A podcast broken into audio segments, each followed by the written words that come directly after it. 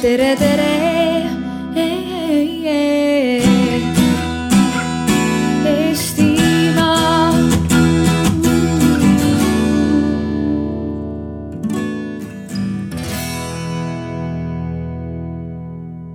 Kell on saanud kaks jätke midagi selleks paneeliks ka. ja noh, igaks juhuks hõikan korra veel, et alustame kohe-kohe aruteluga Suhtle vabalt, kiusuvabalt. kooli, koolis, aga mitte ainult aset leidev kiusamine on viimaste aastate jooksul õnneks jõudnud aina enam meie kõigi teadvusesse. kui suur see probleem on, kui tõsine see on, natukene hästi põgusalt käime need põhitõed ka üle. aga selle arutelu käigus tahame tegelikult äh, võib-olla rohkem vastuseid sellele, mis peaks muutuma meie suhtluskultuuris, kodudes, äh, koolis, veebis selleks, et äh, kiusamist jääks aina-aina vähemaks. ja ideaalis ei oleks üldse, aga kas see, selle ideaalini jõuame või kuidas selleni jõuda sellest kohe räägime. Äh, minuga siin äh, selle katuse all, kuhu muuseas teie võite ka lähemale tulla ja istuda, et äh, kui tunnete, et, et me oleme liiga kauged, siis tulge ka ligi minuga koos, mina olen Triin Toomesaar, Kiusamisvaba Kooli sihtasutuse tegevjuht ja minu kõrval istub Tiit Kõnnussaar, pere- ja baariterapeut, nõustaja ja koolitaja ja koolitab ka Kiva koolide siis õpetajaid ja tugispetsialiste siis äh, Tiidu kõrval Maarja Punak, veebikonstaabel, tunneb juba vormi järgi ära, mis tööd teeb äh,. Maarja kõrval Kristiina Treial, Kiusamisvaba Kooli sihtasutuse koolitusjuht ja õpetajakoolituse õppejõud. ma tahan kogu aeg valesti öelda, mis õppejõud ta on, et ma pean selle, äh, selle siit üle vaatama ja psühholoogia eriala doktorant ja Kristiina kõrval German Skuja, kes on siis Eesti Õpilasesinduste Liidu esindaja. meie omavahel äh, arutleme kindlasti, aga ma tahaksin ka teid kaasata sellesse arutellu ja, ja mõtiskellu juba tegelikult äh, kohe alguses. Äh, ma toon teile paar näidet ja, ja mõelge, mida teie nende näidete põhjal arvate. kas tegu on nii-öelda, kui tõsise kiusamisega on tegu, kas üldse on tegu kiusamisega või kui tõsiseks te seda olukorda peate. ja selleks on selline hästi ebamugav lugu, et tuleb püsti tõusta. aga no ei ole hullu. Null on selles nurgas äh, siin, no ütleme äh, siin, siin on null ja siis äh, siit läheb muudkui suuremaks, ütleme kümme, kakskümmend, kolmkümmend, nelikümmend, kuuskümmend, seitsekümmend, kaheksakümmend ja siis äh, sada on siin. ja mis iganes sinu siis äh, tundmus on, teeme nii, et hukka kedagi ei mõista, õigeid-valesid vastuseid ei ole nullist sajani paned selle juhtumi või olukorra iseenda jaoks äh, skaala peale. kui tõsine olukord Äh, kiusamise vaatevinklist see on. kui näiteks sinu meelest see ei ole kiusamine, siis võid minna nulli juurde. kui see on sihuke noh mm, nagu on, aga ei ole ka, siis võid näiteks tulla siia kuhugi neljakümne, viiekümne juurde. ja kuidas iganes äh, sa aru saad. Ähm, esimene näide, kehalise kasvatuse tund, mängitakse korvpalli ja poisid omavahel hästi tõuklevad palli pärast ja Peeter äh, mänguhoos äh, lükkab Mati peaga vastu radiaatorit, veri voolab, särk-värk-möll, jube valus. ja mäng, äh, kehalise kasvatuse tund jätkuda enam ei saa. kui hullu juhtumiga sinu meelest tegu on, kas see on üldse kiusamine, ei ole kiusamine või mis situatsiooniga? kuidas te hindate? Tunnetuslikult.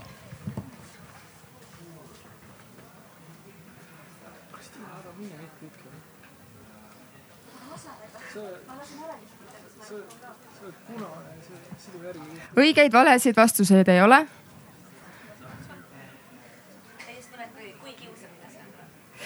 jah, kui kiusamine või kui tõsine see on. kuidas iganes sa tunnetad ja aru saad sellest küsimusest, et lihtsalt saada need arutelurakukesed soojaks. kas te tahate ka seisukohta võtta? see on suht kohustuslik selles mõttes nii, aga mõned äh, mõtted, alustame siit otsast. kas te paari sõnaga ütlete ka, miks äh,, miks te siin olete?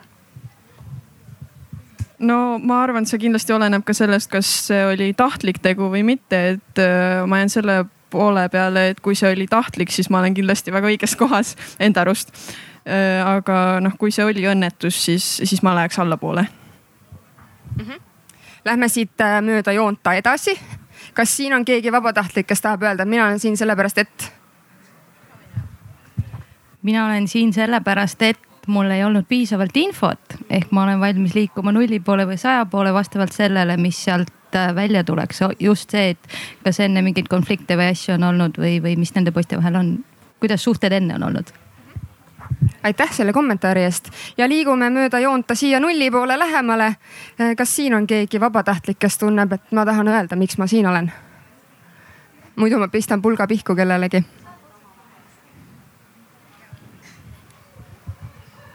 Tahan öelda, et seda juhtub koolis kehalise kasvatuse tunnis väga tihti ja siin ongi see suur oht, et kuidas nüüd õpetaja edasi käitub, et siit võib suur jama tulla, kui ta valesti käitub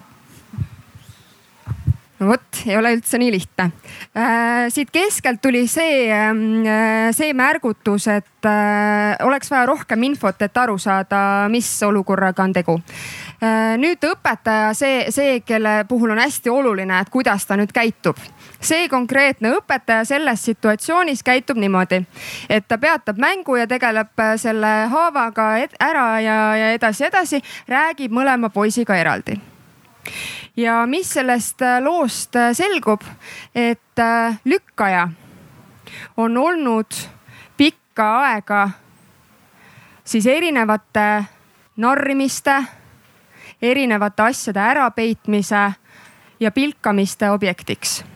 Lükkaja, mitte lükatav. milline situatsioon tõsiduse astmes praegu teile see tundub? kuhu te nüüd selle lisainformatsiooni juures paigutuksite? see, kellel pea lõhki, on kiusaja. see, kes lükkas, on kiusamise ohver või kas on? kuidas teile tundub?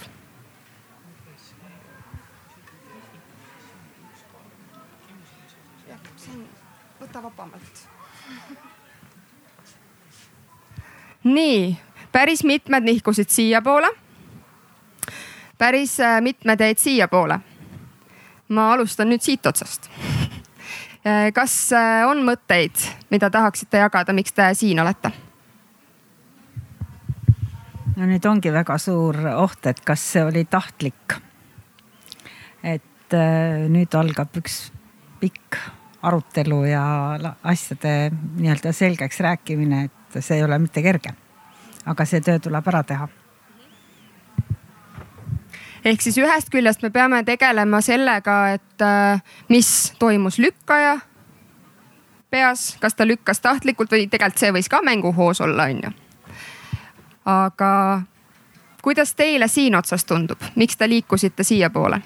õigeid-valesid vastuseid ei ole, vabatahtlikke et äh, kui tal varasemalt on tema see kiusamise objekt olnud, siis tõenäoliselt äh, ta peale sellist äh, juhtumit muutub suurema tõenäosusega kiusamise objektiks, sest et noh, selline intsident kindlasti ei jää nagu märkamata teistele, et annab põhjust. ehk siis koolikeskkonnas justkui ta saab lisa sellise tähelepanu, tähelepanu, et nüüd ta saab äkki ka karistada sellepärast, et, et ta seda, seda, et ta lükkas mm. -hmm. kas on veel mõtteid? Kes tahavad midagi kommenteerimiseks öelda. Kristiina. et nüüd on tegelikult see olukord, kus on teada, et kiusamise lugu on selle juhtumi taustal olemas ja kas see, see seal palli, palliplatsil juhtus kogemata või meelega, see enam nii väga tähtis ei olegi, aga lugu on olemas ja sellega tuleb tegeleda aitäh, aitäh kõigile seisukohta võtmast, nüüd võite istekoha võtta tagasi. Äh, see on äh, tore, et me oleme saanud äh, nüüd need arutlemise rakukesed tööle. Ja natukene mõelda ka selle üle, et mis on kiusamine, mis ei ole, et lükkamine palliplatsil iseenesest ei ole aga need erinevad situatsioonid seal taustal võivad viia selleni, et me lõppkokkuvõttes tegeleme ikkagi kiusamisjuhtumi lahendamisega.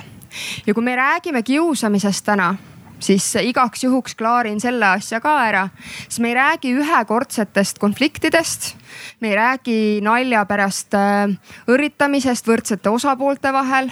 me ei räägi mängulistest situatsioonidest või äh, pinginaabrite vahel äh, korraks tekkinud äh, tundepuhangutest. kiusamine on korduv, tahtlik, ebavõrdsete äh, positsioonidega laste vahel toimuv püsisuhe mis teeb siis tee sellele ühele osapoolele väga haiget. ta saab kas emotsionaalset haiget füüsiliselt haiget, tema asjad saavad kahju, mis iganes, kuidas iganes see, see kahju või haiget saamine väljendub, et äh, see, neid võimalusi on ka, ka väga erinevalt. ja Eestis iga viies, mõnes koolis isegi iga neljas laps on kiusamise ohver. kuidas teile tundub, äh, German, kas, kas see number sinu jaoks on usutav? Äh, kindlasti number on usutav, põhjendan, miks, äh, eriti nagu noorte seas on äh, see sihuke laialdasem värk, sest kuidas noortega on? noored väga ei taha kambast nii-öelda välja jääda. noored väga sõltuvad sellest, mis nende ümber toimub ja väga üksikud on julged avaldama oma arvamust, kui see on täiesti kardinaalselt erinev sellest suurema siis protsendi arvamusest, eks ju. et äh, see kiusamine on millegi iva igal asjal on mingisugune põhjus ja kiusamine ei tule kunagi niisama ja just koolis on see hästi mugav keskkond kiusamiseks, sest äh, seal on hästi palju noori erinevatest peredest, erinevate emakeeltega ja, ja väga palju teisi iseloomuomadusi. Ning see on just see koht, kus äh, juhul, kui keegi on minust erinev, minu kambast erinev, siis tema on see ohver, kes äh, võikski olla välja jäetud. Ja minu arust iga neljas ja viies võibki olla omamoodi erilisem ja tegelikult huvitavam kui mingisugune stereotüüpne arvamus või see, millega läheb terve kamp kaasa kuidas äh, veebist paistab? seal, äh, kas sina tegeled või kui palju, Maarja, sina näed äh, küberkiusujuhtumeid, sest et veebis on kindlasti neid asju, millega sa konstaablina tegeled, on, on palju muid asju ka, aga kas sealt paistab, et küberkiusu on, on palju või mis see tunnetus ütleb? mul, mul ongi väga raske tunnetusest rääkida, sest mina ainult jamaga tegelengi, sellepärast et minu, minu maailmavaade koosnebki ainult probleemidest, ehk siis, et ega noh võib-olla olekski imelik, kui lapsed kirjutaksid mulle, et tead, Maarja, et täna mind keegi ei kiusanud. et äh, see oleks muidugi jube, jube hea, kui oleks selliseks suhtluseks aega, aga, aga kuna mina ikkagi tegelen ainult probleemidega, ehk siis äh, minu jaoks see maailm ongi üsna, üsna must ja kurb on öelda, et tegelikult seda seda kiusamist on internetis ikkagi väga palju ja, ja seda lihtsustab äh, no iga uus rakendus põhimõtteliselt, et ütleme, et kui varem oli näiteks, ma ei tea, kes suhtlesid oli selline, ma ei tea, ICQ ja mingid, ma ei tea, mis iganes suhtlemisrakendused või äpid, eks ju, et ainult sõnad said kasutada, eks ju.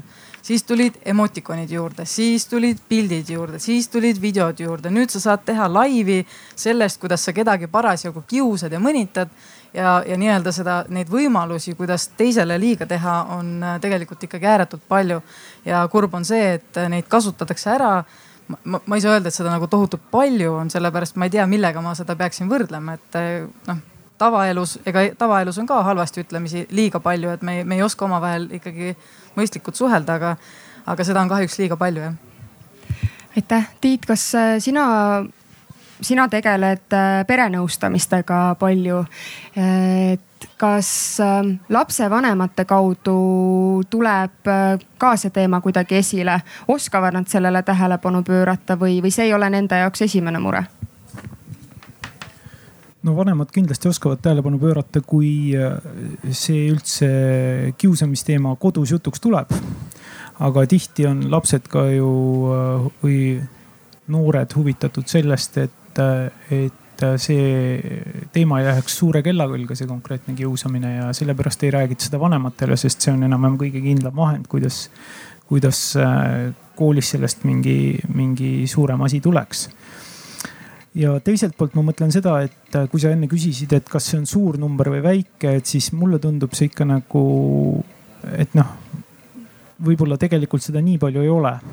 aga kui hakata mõtlema, et tegemist ei ole ainult füüsilise kiusamisega või füüsilise vägivallaga, nagu see näide oli, et kellelgi veri voolab ja, ja keegi saab füüsiliselt haiget, et seda emotsionaalset vägivalda mida peetakse või väga kaua aega on peetud ju praktiliselt mitte millekski. et, et ikkagi seda ka arvesse võtta, siis ma usun, et need numbrid on täitsa adekvaatsed. Et äh, seda on ju uuritud ka, et, et füüsiline ja emotsionaalne valu ajus on äh, täiesti annavad ühtemoodi reaktsiooni ehk et me tajume seda, seda mõlemat ikkagi samasuguse valuna, et, äh, et ma arvan, et see on täpselt sama oluline teema kui see füüsiline kiusamine aga jah, selleks, et gruppi kuuluda, nagu sa ütlesid, et selleks on kindlasti oluline see, et vanemad ja, ja institutsioonid jätta sellest asjast võimalikult kauaks välja, et kannatan nii kaua kui jõuan, et äkki ikkagi õnnestub vahetada see heaolu sinna grupi kuuluvuse vastu välja kuidagimoodi, et äkki läheb üle. No ma lihtsalt ütlen kiiresti siia juurde, et lõpuks tegelikult, mis võib välja tulla, kui on see grupp kujunenud, kes arvab ühte ja on mingisugune üksik, kes arvab teist äh, ja kui see üksik on julge oma seda teistsugust poolt avaldama, siis lõpuks tuleb välja, et pool sellest ühest grupist on tegelikult sama arvamust, on ju. et point on lihtsalt selles, et ei julgeta nagu ja arvatakse, et okei okay,, ma ei taha olla see, see valge vares on ju teiste seas. aga mis tegelikult välja tuleb, on see lihtsalt mask, mida me kanname, et näidata kellelegi, kes me tegelikult ei ole. et jah uuringud äh, tegelikult ju näitavadki ka seda, et enamik lapsi mõistab kiusamise tegelikult hukka, et nad saavad aru, et see on väga halb ja ja nõme asi, et me ei peaks sellega tegelema või, või meie kaaslased ei peaks sellega tegelema, aga mingil põhjusel just nimelt selle gruppi kuuluvuse pärast või, või hirmust äh, kaotada seegi positsioon äh, selles kollektiivis, äh, seda lihtsalt ei tehta. Kristiina õpetaja koolituse peale mõeldes, millised mõtted või kogemused müüdid, seisukohad kiusamise koha pealt õpetajatelt äh, tulevad? no tegelikult äh, see esi, esimene tähelepanek seostub just nimelt selle küsimusega, et kas see number iga viies või iga neljas laps on adekvaatne. ehk siis üks äh, selline tagasiside, mida ma ikkagi õpetajakoolituselt hästi palju saan, on see, et täiskasvanud ei usu, et seda kiusamist nii palju on, eriti õpetajad, et nad ütlevad, et ma ju näeksin ma ju teaksin, kui minu klassis on kiusamine. aga tõde on see, et nad tegelikult ei näe ei tea. Ja isegi kui nad näevad, nad ei pruugi seda ära tunda. Et me ka meediast oleme näinud õpetajate suust repliike, kus öeldakse, et aga see on ju poiste puhul tüüpiline omavaheline müramine. aga tegelikult on, kui seda lähemalt vaadata, on see väga tüüpiline kiusamine kus kannataja teeb jätkuvalt vaprat nägu, püüab asjaga hakkama saada, aga seest on täiesti katki juba omadega. nii et täiskasvanud äh, ei oska ära tunda, ei oska märgata ja, ja seetõttu näiteks, kui me vaatame, mida näitavad uuringud erinevate sihtgruppide poolt antud hinnangule koolis, siis õpetajate hinnangud kiusamise esinemissagedusele on alati kordades madalamad kui see, mida õpilased ise tunnevad ja, ja see tuleneb sellest, et äh, lapsed, noored on väga-väga osavad ja väga sihikindlad selle varjamises täiskasvanute eest. klassikaaslased reeglina teavad, kui klassis on kiusamine. õpetajad sageli ei tea, veel vähem teavad sellest lapsevanemad et seda kiusamist on raske ära tunda ka sellepärast, et väga tihti kiusamine ei ole mitte millegi tegemine, vaid vastupidi, millegi mittetegemine. et kas sind ei võeta kaasa, ei kutsuta kaasa, jäetakse välja, see on see, mis ei paista kuskile tõrjumine, grupist väljajätmine on tõepoolest üks varjatud äh, kiusamise viise ja seda on sellel on väga raske vastu või vahele astuda, et äh, astud siis äh, tõrjutavale ja, ja tõrjujale kuidagi sinna keskele ja, ja püüad neid kokkupoole lükata, et päris nii lihtsasti selliseid situatsioone lahendada ei saa. aga oma õpetaja kogemusest ma mõtlen ka seda, et kui ma läksin õpetajana tööle siis ma mõtlesin, et no ei, minu klassis kiusamine on kindlasti keelatud. see kohe sekkun, kui näen, kui, kui midagi tähele panen. reaalsus, millega mina pidin leppima, on see, et ma ei näe, ma lihtsalt ei näe. sellepärast, et seal toimub nii palju muud. ja ma võin reageerida hoopis situatsioonile, mis ongi mäng ja ma pean selleks võtma eraldi aega, et kuulata, kas see on mäng või ei ole mäng ja paljud tegevused, kuna lapsed saavad aru, et kiusamine ei ole okei okay,, siis seda tehakse ju teadlikult varjatult. kui ühel hetkel muidugi õpetaja käitumisest nähtub, et ega tal on poogen, siis muidugi hakatakse julgemalt ka avalikumalt äh, kiusama et selles suhtes mulle meeldivadki need koolid, kes äh, väga rakendavad neid äh, nii-öelda abiõpetajaid, ehk siis, et on õpetaja, kes viib läbi ainetundi ja tema eesmärk on, eks ju, eelkõige anda ainet, loomulikult äh, tegeleda ka kõige, kõige muuga, mis õpetamise juurde käib. aga et kui on olemas nii-öelda võimalus kasutada abiõpetajat, kes saab jälgida laste omavahelisi suhtlemisi, rääkimisi, gruppide moodustamisi, et kui neile antakse tõesti mingi ülesanne, et siis õpetaja noh üldiselt ta ikkagi peab ju keskenduma ka sellele, et lapsed saaksid aru, millest ta täpselt räägib, aga, aga kui ta peab ka keskenduma samal ajal kõikidele nendele äh, grupidünaamika teemadele ja, ja, ja et välja selgitada, et kas seal on kiusamist või mitte, et siis selleks lihtsalt ei jagugi silmi. ja selleks need abiõpetajad on tegelikult ikka noh, väga hea lahendus, lihtsalt selle nimi on jällegi, et, et ei ole koolidel seda võimekust äh, pakkuda äh, kõikidele klassidele ja kui nagu juba selle, selle poole peale vaatamine läks, et kus siis võiks nagu valguskiir paista, siis äh, tegelikult, äh, kui me vaatame ka maailma praktikaid, mis töötavad kiusamise vähendamisel, on see, et, et õpetajad tõepoolest ei jõua ja ei saagi kõike märgata, aga kes jõuavad ja kes saavad ja kes näevad, on kaasõpilased. ehk siis põhiline jõud, kes aitab meil kiusamist ära hoida, on kaasõpilased, aga nad ei tee seda ise, ise oma peaga vaid nad vajavad selles juhendamist, julgustamist, toetamist täiskasvanute poolt kultuuri kujundamist klassis, suhtlemisoskuste kujundamist klassis ja klassis selle normaalseks rääkimist, et kiusamine ei sobi ja meil on õigus igalühel selle vastu astuda. ja vot see on suur ja järjepidev töö, see ei tule iseenesest ja isegi kui mõnel lapsel on see kodust kaasas ja kui klassis näiteks norm ütleb, et kiusamine on ikkagi nii-öelda okei okay ja, ja kiusajad on võimul, siis ka tema tegelikult ei astu seda sammu sinna vahele. meil on vaja saada klassikaaslased rääkima, märkama, sekkuma Äh, nojah, äh, tegelikult arvatavasti see kõlab praegu suure klišeena, aga mina sada protsenti oma olemusest usun sellesse, et selleks, et muuta maailma, tuleb alustada endast. ja kuidas see on seotud selle teemaga, siis see, et noh, see grupist välja tõr tõrjumine on tegelikult ju päris loomulik puhtalt sellepärast, et me igaüks valime, kellega olla, kes on, kes meile meeldivad rohkem, kes ei meeldi. aga siin edasisamm on lihtsalt äh, see, kuidas sa enda jaoks sellist kiusamist vastu võtad. kas sa võtad seda südamesse? Ähm, kas sa lased ennast häirida sellest, äh, sa lased ennast äh, tunda nördinuna või sa lihtsalt keskendud sellele, et äh, edasi hakkama saada oma teiste muude asjadega ja igal juhul kunagi ei ole niimoodi, et äh, ühel inimesel ei ole ühtegi inimest, kellega ta ei saaks väga hästi läbi. Äh, lihtsalt siin on hästi suur aja küsimus tegelikult, eriti ka noortel praegu kooli vahetamisel on ju. kui noored on juba seitseteist, kuusteist aastat vana, siis otseselt väga paljud ei otsi mingisuguseid uusi huvitavaid suhtlusi, et neil on omad sõbrad olemas ja kellega nad juba terve põhikool õppinud, aga uued inimesed, no las nad olla ägedad.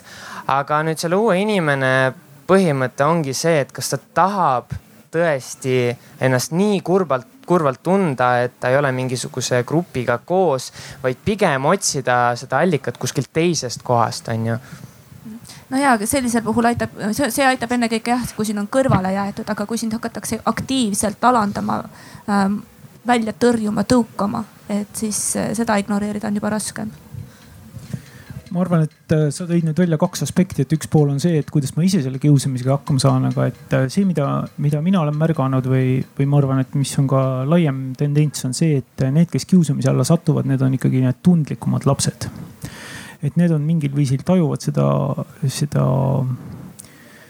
noh, enda suhtes suunatud kas siis emotsionaalset või füüsilist vägivalda ja reageerivad sellele oluliselt tugevamini, eks neid sellepärast on huvitav kiusata ka. Ja nemad ei ole sellised, et nad saaks sellega ise hakkama. Ja sellepärast noh, mis minu jaoks nagu üldse Kiva jaoks oli võib-olla kõige suurem ahhaa-elamus, kui ma seda kunagi õppisin, on, on mõiste sots, kiusamise sotsiaalne arhitektuur et see, millega Kiva tegeleb, on see, et ta lõhub seda arhitektuuri, ta lõhub seda, et mitte see inimene ise, keda kiusatakse, ei peaks sellega niivõrd, temal ei lähe kogu vastutus selle lõppemise eest, vaid et just need pealtvaatajad, keda on ju tegelikult äh, suurem osa, et, et nemad hakkaks sekkuma ja, ja rikuks nii-öelda selle lõbu ära. ja ma arvan, et see on üks suur, suur nagu äh, põhjus ka, miks kiva nii efektiivne on üldse tõepoolest kiusamise situatsioonis ei ole ainult ohver ja kiusaja, seal on kiusaja kannustajad kes ise võib-olla nendesse situatsioonidesse ei sekkugi, aga neil tahavad lihtsalt äh, seda põnevust, seda situatsiooni ja muudkui utsitavad, et kuule, eile sai palju nalja, kui sa Mikuga seal nii tegid, et teeme täna jälle. või siis äh, kiusaja abilised, kes on tema sõbrad ja, ja tunnevad mõnes mõttes kohustust oma sõbra ees teha temaga neid tegusid kaasa. Ja siis on need kõrvalseisjad, keda on äh, selles grupis võib-olla kõige rohkem. Ja kelle hulgas on potentsiaalsed äh, need õpilased, kes ütlevad, kuule stopp, see võiks nüüd lõppeda. Või siis vähemalt jooksevad täiskasvanu juurde rääkima, et meil on klassis selline situatsioon, mis äh, vajab täiskasvanu abi korraks hästi kiirelt räägiks ära ühe müüdi, sest et see on müüt Äh, ja, ja sellele ei, pikalt isegi ei, ei peatuks. et äh, mis ei tapa, teeb tugevamaks. selline müüt. kas, äh, kas see kehtib, kuidas teie tunnete? Mis ei tapa, võib küll tugevamaks teha, aga selles mõttes väike kriim või isegi mitte väike, aga suur kriim võib ikka jääda. ja müüt on see tõesti, mina arvan, et sõltub muidugi olukorrast jällegi, on ju, kui tõsine oli olukord ja kas äh, ma õppisin sellest, mida ma õppisin sellest ja kas ma tahan edasi minna või ma tahan äh, seda endale nii-öelda sisemisse kuhugi ruumi jätta. ja olukorda tõsisust ma mõtlen selle all, et on asju, mida enda pingutusel on tegelikult võimalik äh, unustada ja edasi minna oma teed, aga on selliseid asju, mis tegelikult jäävadki kripeldama ja võivad tekitada juba ka füüsilist valu, sest kõik füüsilised valud on ka, on ju emotsionaalselt äh, väga tugevalt seotud ja mõned asjad võivadki jääda ja jäävad pikemaks ja, ja jah, et tugevamaks ta võib teha, aga samas võib ta haava jätta küll. Ma mõtlen seda, et kui me väärtustame ühiskonnas tugevust, et äh, ma ei oska öelda, kas see on nagu hea treenimise viis, aga kui me väärtustame tasakaalu, siis äh, kindlasti ei ole see kiusamise kontekstis äh, midagi sellist, mis muudaks meid kuidagi tasakaalukamaks või, või või terviklikumaks, et ähm, ma, ma võin lihtsalt äh, enda tuttavate seas, ma tean äh, neid näiteid, äh, et inimesed on kolmkümmend viis ja võib-olla veidi vanemad ja ütlevad, et nad näevad kooliajast aeg-ajalt õudusunenägusid, kui, kui tuleb näiteks september või kui tuleb, räägitakse, ma ei tea, eksamiteks valmistumisest ja neil tulevad mingid mälupildid ajast, kus mitte õppimisega seoses, vaid just seesama, see kogu see koolis olemise asi oli neile nii, nii halb, vastik, kurnav, neile tehti väga palju liiga ja enamasti mitte füüsiliselt, sest ma noh, ma räägingi pigem tüdrukutest, kellele tehti tegelikult teiste tüdrukute poolt sõnaliselt väga-väga haiget ja nad ei ole nendest asjadest üle saanud, ehk siis, et tegelikult see, see jätab haava, sellega saab tegeleda, kindlasti on on teraapiaid, on, on, on, on lahendusi, on äh, spetsialiste, kelle poole pöörduda, aga see ei tähenda seda, et need haavad kaovad. see tähendab lihtsalt seda, et ma oskan, ma õpin nendega äh, toime tulema või ma, ma lihtsalt oskan nendega arvestada. jah, et mis ei tapa, teeb tugevaks. Äh, teadusuuringute põhjal ma võiks öelda, et see on väga kaugel tõest, sest esiteks kiusamine võib ka tappa see on see kurb, kõige kurvem pool selle asja juures, aga teine asi on see, et mida pikaajalisem ja, ja mida tugevam see kiusamine on olnud, seda pikaajalisemaid ja karmimaid haavasid ja harme ta tegelikult inimesse jätab kuni selleni, et tõesti ka täiskasvanu eas ollakse oma tunnetega hädas ja ollakse oma suhetega hädas ja ollakse võib-olla töö juures täisväärtusliku täiskasvanuna tegutsemisega hädas. aga tegelikult on see kahjulik ka kiusajale et see ei ole kahjulik mitte ainult kannatavale poolele, vaid ka kiusajale, ehk siis sealt saab alguse suur osa kuritegevusest. Norra uuringud pikaajaliselt näitavad, et koolikiusajatel on neli korda suurem risk noores täiskasvanu eas olla politseis arvel kuriteoga. neli korda suurem risk kui mittekiusajatel õpilastel ja, ja tegelikult jäävad omad armid ja omad kahjud ka pealtvaatajatele pidev ärevuse foon iga päev koolis, stressihormoonid üleval, mõjub meie füüsilisele ja vaimsele tervisele. pluss moonutunud normid sellest, kuidas meil on õigus kohelda kaasinimest ja milliste vahenditega me võime saada äh, tunda ennast tähtsana tegelikult. mis sobib, mis ei sobi. ja kui nüüd kuulates seda loetelu, mida kõike kiusamise kogemine mõjutab siis äh, rootslased on isegi välja arvat-, äh, arvutanud äh, nii justiitssüsteemi, kohaliku omavalitsuse, sotsiaalsüsteemi, haridussüsteemi ja kõik muud süsteemid ja valdkonnad, mis ühiskonnas on, need kulud, kiusamise kulud ühiskonnale on väga suured, ulatudes miljarditesse eurodesse. Ja ainult, nemad võtsid oma uuringus isegi arvesse ainult äh, siis seda kui kümme protsenti äh, kiusamist kogenud õpilastest kannatab mingisuguste tõsiste tagajärgide, äh, järgede all. ehk siis see on ikkagi päris madal latt. et see, kui palju neid kiusamise kui palju kiusamist kogevatest lastest tegelikult nende tagajärgedega täiskasvanupõlves maadleb, et ma oma kõhutunde pealt, et seda ärge tsiteerige, aga ma, mina ütleks, et see osakaal on kindlasti nagu suurem. aga püüame jõuda siis lahendusteni või, või kuhu me siis jõuda tahame, et kui me, kui tänane olukord on selline nagu ta on, nagu me oleme siin rääkinud, siis äh, mida teie jaoks üleüldse nagu tähendab kiusamisvabadus või äh, kiusamisvaba suhtluskultuur?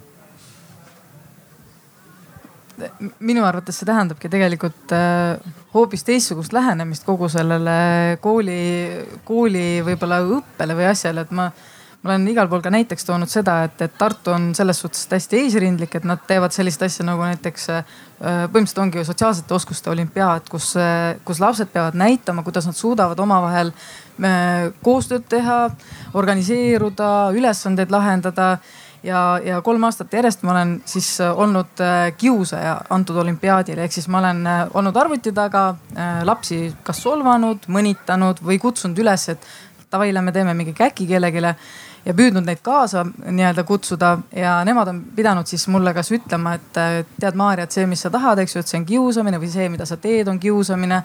palun lõpeta, kui sa ei lõpeta, mida me siis teeme ja, ja, ja seal on, me räägime ainult kolmest aastast ja tegelikult see vahe on täiesti märgatav, et esimesel aastal, mida lapsed mulle vastu tegid, noh väga mitu gruppi näiteks hakkas mind vastu kiusama, hakkasid mind vastu mõnitama, hakkasid äh, käituma minuga, noh nii-öelda nad ei teadnud, et ma olen politseinik, nad teadsid, et ma olen Maarja kuskil seal, eks ju, chat room'is aga, aga, aga viimasel aastal äh, sellist asja praktiliselt polnudki ehk siis, et kõik koolid olid võtnud selle teema endale nagu südameasjaks, et nad peavad läbi mängima need olukorrad. et kuidas, kui on äh, nii-öelda veebialane selline kiusamissituatsioon, et kuidas siis nagu reageerida. aga see tähendabki seda, et, et sellega tuleb eraldi tegeleda, et, et ei piisa sellest, et ma õpetajana lihtsalt äh, tunnis tuletan meelde, et oleme omavahel viisakad või et ärme ütleme üksteise kohta rumalaid sõnu, et see, see peab olema midagi muud, et no seesama Kiva pakub, eks ju, erinevaid äh, võimalusi, aga, aga on kindlasti ka teisi projekte, mis, äh, mis soodustavad seda, et lapsed õpiksid selliseid sotsiaalseid oskusi, et nad saavad aru, mis on õige ja vale, mis teeb haiget, mis ei tee võib-olla haiget, et, äh, et jah, et see on tegelikult hoopis teistmoodi lähenemine, et sellest, sellest ei piisa, et mida, mida me varem oleme teinud.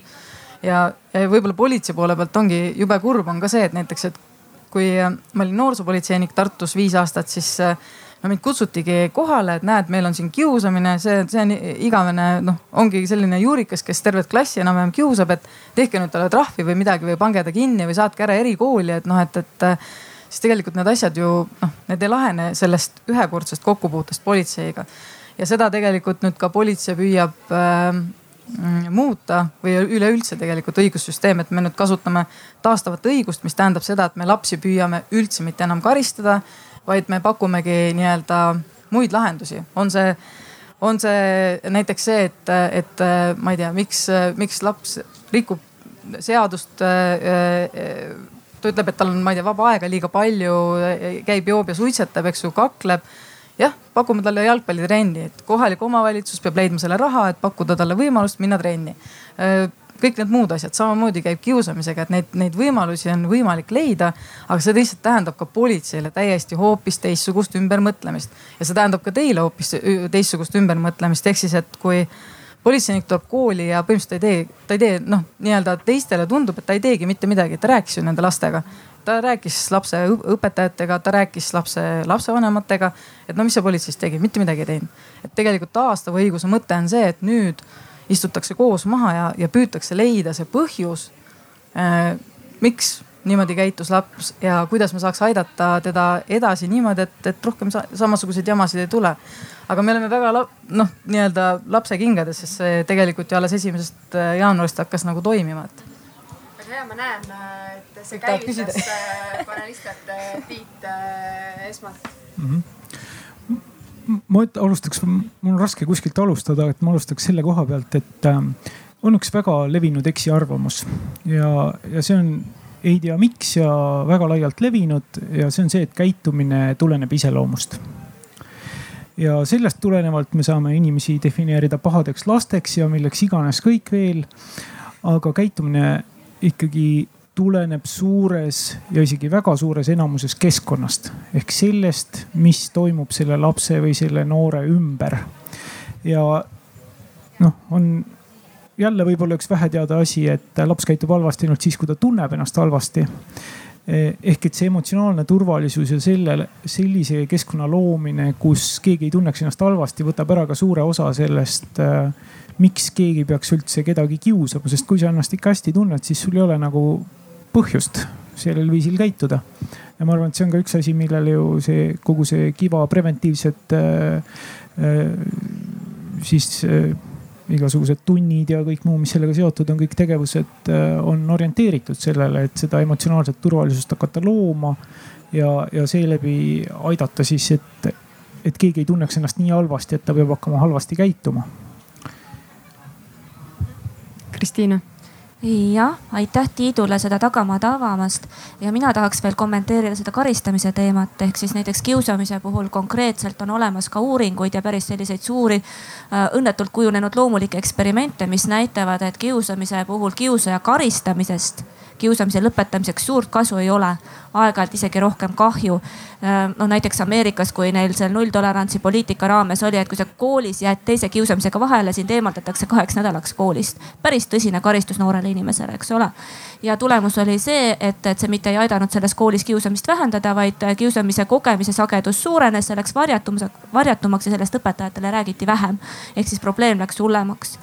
miks see kiusamise lõpetamiseks ei toimi, on see, et äh, kui sa karistad kiusajat, kas sa sellega suunad teda tegutsema teisiti, tegema midagi sellist, mis ei tee teisele kahju. ei, sa karistad teda ära, aga sa ei aita teda edasi sealt karistus ühtlasi nagu lõpetab kogu selle case'i, eks ole, ja, ja noh. tekib tunne, et nüüd me oleme tasa, et hakkame nullist jälle peale. ja et oleks kättemaks olemas, aga tegelikult see ei lõpeta lugu pigem vastupidi. ja millegi lõpp on teise algus, aga me siin räägime küll kiusamist vabaduses, aga ma tahaks nüüd veidikene kiusata ähm,. see ei ole siin lubatud selles mõttes, et äh, ma arvan, et kiusamisvaba keskkond lihtsalt ei toimiks. ma sain küsimusest aru, aga ma lähen veidi sügavamale puhtalt sellepärast, et tegelikult iga inimene siit ja arvatavasti terves maailmas on kunagi kiusanud puhtalt sellepärast, et iseennast on ikka igaüks kiusanud, et, et, et ma vist ei ole ikka ilus ja ma vist ei saa hakkama sellega.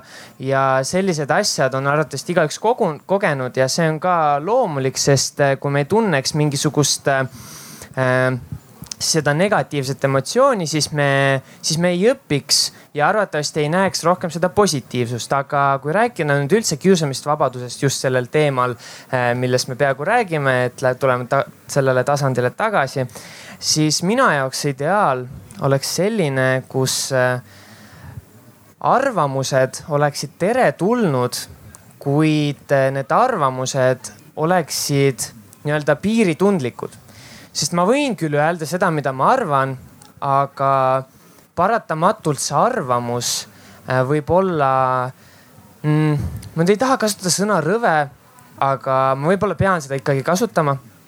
ja see arvamus võiks olla läbimõeldud ja see arvamus võiks olla tolerantselt vastu võetud enda poolt kui ka teiste poolt. ja siis see oleks see minu ideaal, kus jah, kus igaüks saaks nagu rääkida, aga ta peaks seda piiri mm. -hmm. Kristiina ma isegi võtaks teid kohe võttelõnga ülesse, mul on nii hea meel, et sa suuna sinna lükkasid. ehk siis mina lisaks siia äh, juurde, et see arvamuse avaldus või eneseväljendus äh, võiks olla kaasinimest äh, austav. Ähm, miks ma just selle märksõna välja ütlen, mul oli hiljuti vanematel just neljakümnes pulma aastapäev ja ma valmistasin südamest tulevat kõnet neile ette ja ma tahtsin öelda, et mida nad on mulle eluteele kaasa pannud ja, ja üks asi, mida ma, mis hakkas mul kuidagi ketrama, on see, et ükskõik kui meil on hästi kombeks olnud kogu aeg peres ühise laua taga süüa ja teemasid arutada. ja üks asi, mida ma nagu mäletan või õigemini, mida ma sealt ei leia, on see, et seal laua ümber kunagi oleks pahatahtlikult teisi inimesi arvustatud. isegi kui meil oli võib-olla omadega pahuks siis naabrimees või kes iganes. et, et ka sellistest juhtumitest räägiti pigem hooliva murega, aga mitte kedagi sõimates, salvates, solvates ehk siis äh, austus ükskõik millise kaasinimese vastu mm. -hmm. et kui me tegelikult äh, juunis äh, eelarvamusfestivalil noortega arutlesime sarnasel teemal, siis äh, see, millest äh, German rääkis õpilase vaatevinklist ja, ja, ja Kristiina nii-öelda täiskasvanuna mõeldes, siis tegelikult no, ma saan aru, et noortel on see küsimus ja, ja see kipub ka täiskasvanutel olema, et aga kust läheb arvamuse ja sõnavabaduse piir. et kas ma võin äh, teha selle solvava postituse või, või meemi või kas ma võin öelda talle, mis ma temast arvan iga hinnaga või on ikkagi kuskil see piir ees, kust sõnavabadus, arvamusvabadus enam ei ole nii oluline kui see, kuidas teine inimene, kes selle sõnumi peaks vastu võtma, eh, kui tema nii-öelda vaimne tervis, emotsionaalne heaolu ja, ja turvatunne et äh, selline empaatiline suhtlusviis võib-olla on üks osa sellest ide, nii-öelda ideaalist, mille poole me tahaksime pürgida.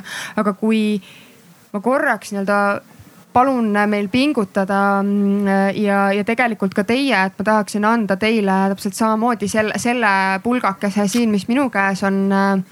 et kui me peaksime õpetajale või õpilasele kirjeldama, millise koolini või ühiskonnani me tahame siis jõuda, et milline see ideaalne kool on, kus võiks olla vähem kiusamist ja noh, nii palju ütlen nii-öelda etteruttavalt ära, et kiusamist päris nullini ilmselt viia ei ole võimalik. see on ideaal, mille poole me peame pürgima absoluutselt, aga mõnes mõttes see on selline halb inimlik omadus, et me aeg-ajalt elame ennast teiste inimeste peal välja. see ei ole õige, aga, aga seda tuleb ette ja meil peavad olema need tööriistad selleks siis sellisel puhul, et, et seda vähendada. aga et milline see ideaal võiks olla, et kuhu me õpetajate või õpilastega tahaksime jõuda? sooviksin alustada sellega, et äh, mainiksin ära seda, et äh, me ei tohiks äh, nii-öelda võtame kooli ja kuidas tavaliselt kool on üles ehitatud, on ju õpetajad, on töötajad, on õpilased. aga need töötajad, õpetajad, õpilased tegelikult on ju üks meeskond. lõpuks, kui me võtame hästi-hästi avaralt, on ju pealt, see on meeskond. ja selleks, et meeskond töötaks, peab panustama igaüks. igaüks peab panustama sajaga ja sest äh, kiusamisel on ju mingi asi ei ole niisama, mingi kiusamine ei ole niisama. ükski asi tegelikult ei ole niisama, sest no isegi seisma jäänud seinakell näitab kaks korda päevas õiget aega, on ju. seega tuleb tegeleda selle, selle tuumaga. igas olukorras on see tuum just tähtis, kuskilt tuleb midagi, on ju.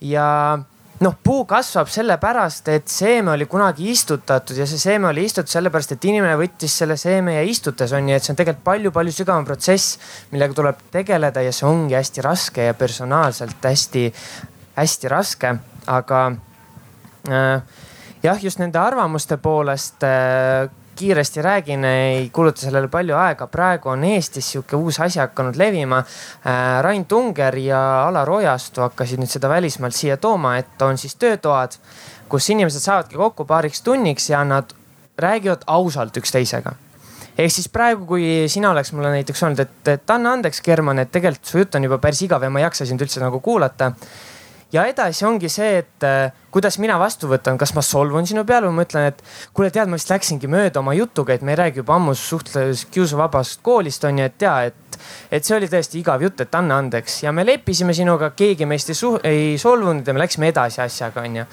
et minu arust see on üks ka huvitav asi, et äh, kuidas võiksid probleemid rohkem laheneda ja kuidas mingisugune lumepall ei veereks hästi suureks ja lõpuks sellest tekiks mingisugune hästi suur konflikt. ehk siis see on see jah, kuidas mina võtan sinu öeldu ja kuidas sina võtad vastu minu öeldu.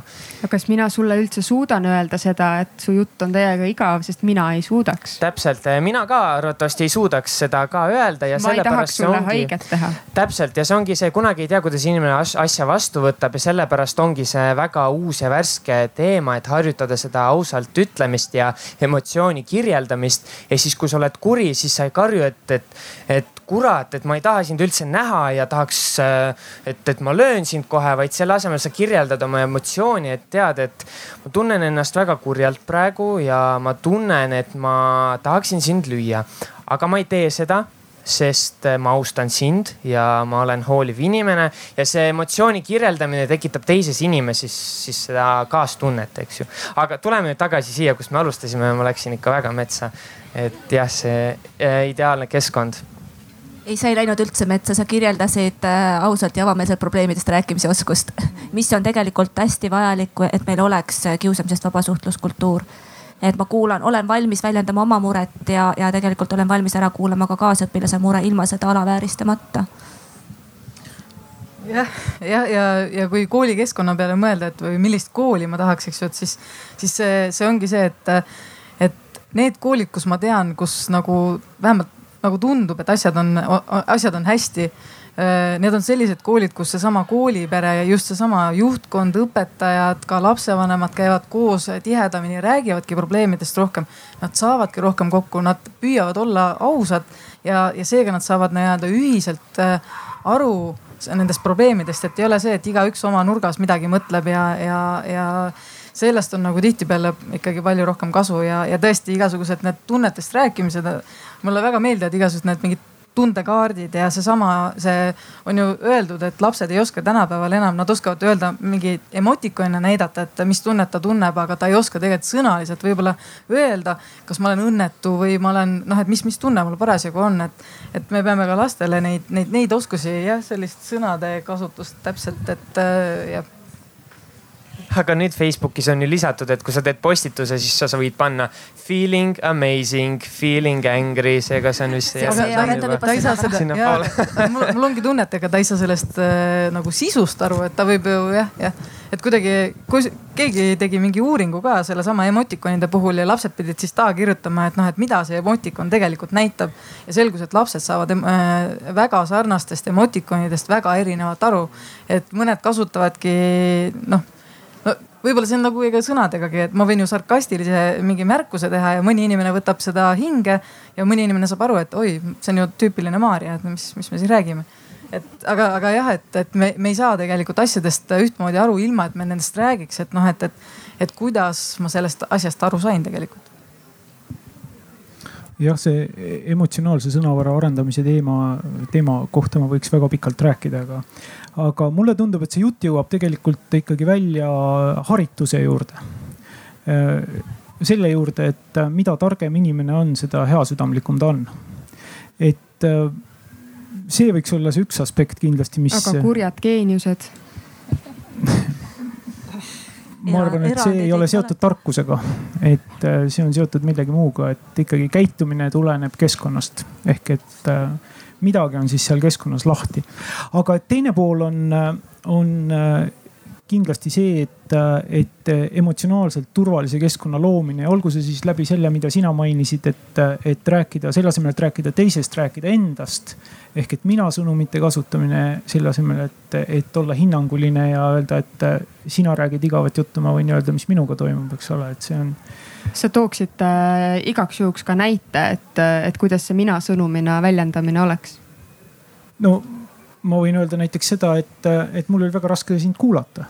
selle asemel, et öelda, et sina räägid igavat juttu, see on üsna erinev tegelikult ja mõjub ka ilmselt üsna erinevalt. Ehm, ja et need on ilmselt need kaks asja, mis, mis aitavad luua tegelikult seda, seda keskkonda, kus seda kiusamist on oluliselt vähem. ja et see sotsiaalsete oskuste õpe kindlasti on hästi oluline teema ja enda, enda emotsioonide sõnastamine mistõttu on vaja neid ju enne teadvustada, on, on ka väga oluline asi sealjuures, nii et siin, siin tuleb nagu pikk rida asju, aga, aga ma usun, et see on ikkagi see kaasaegne haritus, mitte haridus mm. -hmm.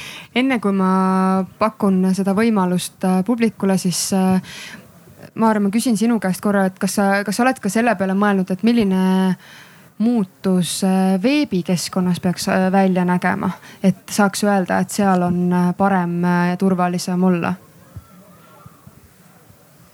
hea küsimus. Eh, noh, siis kui seal on parem, turvalisem olla, tähendab seda, et mul ei ole tööd enam, aga, aga, aga no selles suhtes, et. siis sa saad fookuse mujale panna. absoluutselt, absoluutselt, aga jah, selleks, selleks noh, tegelikult mõnes mõttes me ka veebis kuidagi mulle tundub, et asjad nagu, nagu veidikene liiguvad, vähemalt kui ma olen rääkinud nende Äh, tuntumate Youtube eritega, et kuidas nemad näiteks tegelevad sellega, kui neid äh, kiusatakse kirjalikult, äh, saadetakse või no mõnitatakse nende videosid, postitatakse nendest pilte ja, ja nii edasi.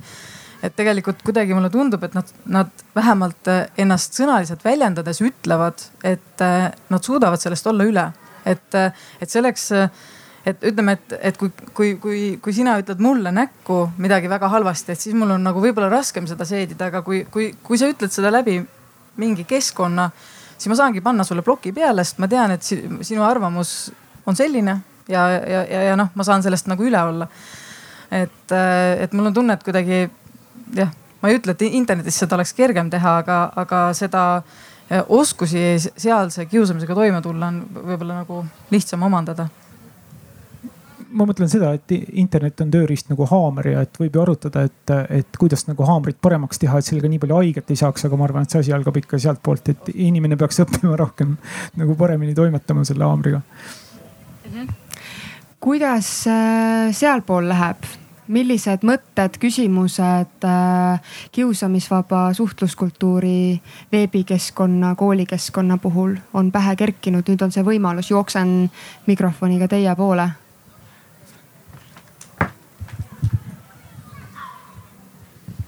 mina olen töötanud hästi paljudes koolides ja juba pikemat aega töötan ühes kutsekoolis ja näen seda, et eh, kui ei öelda õpetajatele, et selle jaoks on vaja leida aega, et selle kiusamise teemaga tegeleda, siis ei julgeta ka seda aega võtta, sest et eh, kõike muud on nii palju vaja teha. Kiusamisega tegelemine nõuab meeletult aega, see nõuab äh, sellist ettearvamatu aja võtmist millegi muu arvelt. ja kui õpetajad ei julge seda võtta, sest et neid hinnatakse mingisuguste teiste kriteeriumite alustel, siis kogu see ilus jutt, mida räägitakse ja räägivad need inimesed, kes võib-olla ei ole igapäevaselt õpetajad, see jääb äh, kuskile peitu, sest et kui päris eluks läheb, siis tal on vaja oma matemaatika kontrolltöö ära õpetada ja alles siis tegeleme kiusamise teemaga, kui on päev enne vaheaega klassijuhataja tund, aga sellest on liiga vähe. Aga ma võib-olla küsikski siin nii-öelda teeks müüdi murdmise, et, et te ütlesite, et te olete kutsekoolis, et noh, minule nagu ka väidetakse, et noh, et, et lapsed kasvavad kiusamisest välja, et kui ma olen juba mingi kümme, üksteist klass või, või lähen kutsekooli, et seal ju kiusamist enam ei ole, et kuidas sellega tegelikult on? On ikka, ega kui last ei õpetata sellest välja kasvama, siis ta iseseisvalt seda ei tee ja kutsekoolis võib-olla lihtsalt äh, on äh, igas, igal koolil on selline mingi oma kiiks, kuidas tema kiusab, et kutsekoolis kasvõi näiteks ehitajad ja elektrikud kiusavad teistmoodi, sest et neil on teistsugused keskkonnad, kus nad on. kiusamine ju nõuab seda soodsat keskkonda ja, ja võib-olla sellist noh tüüpilist sihukest narrimist nagu võib-olla algklassid on, see on seda tõesti enam ei ole, sest et nendel teismelistel on kuidagi piinlik seda teha, aga see võtab teised vormid, no veebikiusamine kõige parem, kõige Eh, tulemuslikum, kõige, kõige lihtsam asi, mida teha, on kedagi netis kiusata. meie koolis eh, on kõige halvemad asjad, mis tulevad, on need klassi chat'id, mis Facebooki tehakse ja vaat see, kui sealt asi pihta algab siis ei saa sellele enam piiri peale, õpilased teavad, et nad sinna õpetajaid ega tugispetsialiste vastu ei võta. Ja see, mis seal toimub, see on ulme. et kui meie vahepeal siis kuskilt näeme, saame mingeid screenshot'e sellest, mis on seal tehtud no vaat siis hakkab elu pihta, eks ju. Et jah, see minu või väga-väga hea kommentaar, aitäh, et minu, minu mõte ongi olnud see, et tegelikult see kiusamine, ega noh, et me räägime kivast, eks ju, kooli kiusamisest, aga tegelikult see kiusamine läheb edasi, kui sellega ei tegeleta, et äh, meie nii-öelda nüüd selle aasta lõppu, järgmise aasta võib-olla eesmärk ongi näiteks tegeleda rohkem, rääkida töökiusamisest ja ka täiskasvanute elus nagu meie ümber toimuvast kiusamisest, sest tegelikult on see, et äh, me ei ole ka saanud neid oskusi, kuidas sellega toime tulla ja meid, meid on ka vaja õpetada, et, et äh, lihtsalt jah, et sellise, sellise mõtte, et tegelikult see, see müüt, et sa kasvad sellest kiusamisest välja, siis see ei, tegelikult ei vasta tõele. ma kommenteeriks ka, et inimene kipub tegema seda, mida tal on mugav teha, mida ta oskab teha. ja ma arvan, et õpetajad ei ole selles suhtes erinevad. ja selleks, et kiusamisega tõhusalt tegeleda, kui sa ei tea täpselt, mida on vaja teha, siis on seda ikka jube raske teha, see võtab palju aega ja energiat. ja meil on siin äh, inimene, kes üsna täpselt ilmselt teab läbi kõigi nende uuringute, mida on siin aastakümneid juba tehtud, et äh, mida on vaja teha ja mis aitab ja, ja ma arvan, et Kiva on jälle selles suhtes kihvtilt üles ehitatud, et on ju tehtud, proovitud erinevaid asju, uuritud, mis nendest on tõhusad ja mis ei ole tõhusad ja lõpuks on järele jäetud ainult need, mis on tõsiselt tõhusad. ja see ka paraneb kogu aeg praegu iga, iga aasta uuritakse seda, et kuidas nende tegevuste mõjud on. ja ma arvan, et see annab sellise väga hea guideline'i selle kohta, et mida siis teha ja kuidas täpselt teha, nii et see tõesti töötaks mm. -hmm. ja mida meie tegelikult äh, oma kogemuse põhjal äh, ka näeme, et tõepoolest ajamure on õpetajal see kõige suurem mure, oli ka minul ja on kõikidel õpetajatel, kellega me kokku puutume. et äh, mida me ka näeme või kus see üks võti on, on koolijuht. kui me saame tema kätte selle, selles mõttes konksu otsa, et jah praegu nüüd meie koolis sellest aastast alates on okei okay,, et õpetaja võtab aega ja, ja tegeleb kiusuennetusega kaks korda kuus süsteemselt näiteks ennetustööga ja meil on süsteem juhtumite lahendamiseks, et siis see on okei okay. ja ma ei pea põdema sellepärast, et meil on eesti keeles tasemetöö tulemas ja ma pean kõik need käänded ja komad ja asjad veel kõik neile pähe taguma et me tõepoolest võime tegeleda inimeseks õppimisega ka. kas siitpoolt on veel küsimusi? oi, nii palju käsa äh,. mul tuli selline idee, et kui nagu vaatame seda koolikiusamist ja seda ideaalset kooli, siis tegelikult ju hakkab ka mõttele selline ka õpetaja nagu võiks motiveerima õpilasi nagu ava, arvamuse avaldama.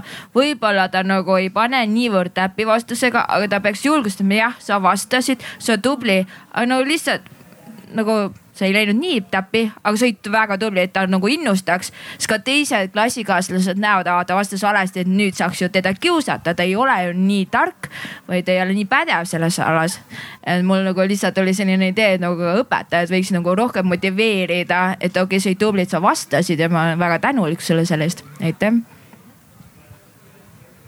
ehk siis kuidas õpetaja reageerib ka ise klassikeskkonnas erinevatele apsakatele või juhtumistele, kas see on nagu noor, normaalne no,, minul ka juhtus, on ju, või juhtub nii, juhtub naa, et see on okei okay,, lähme edasi.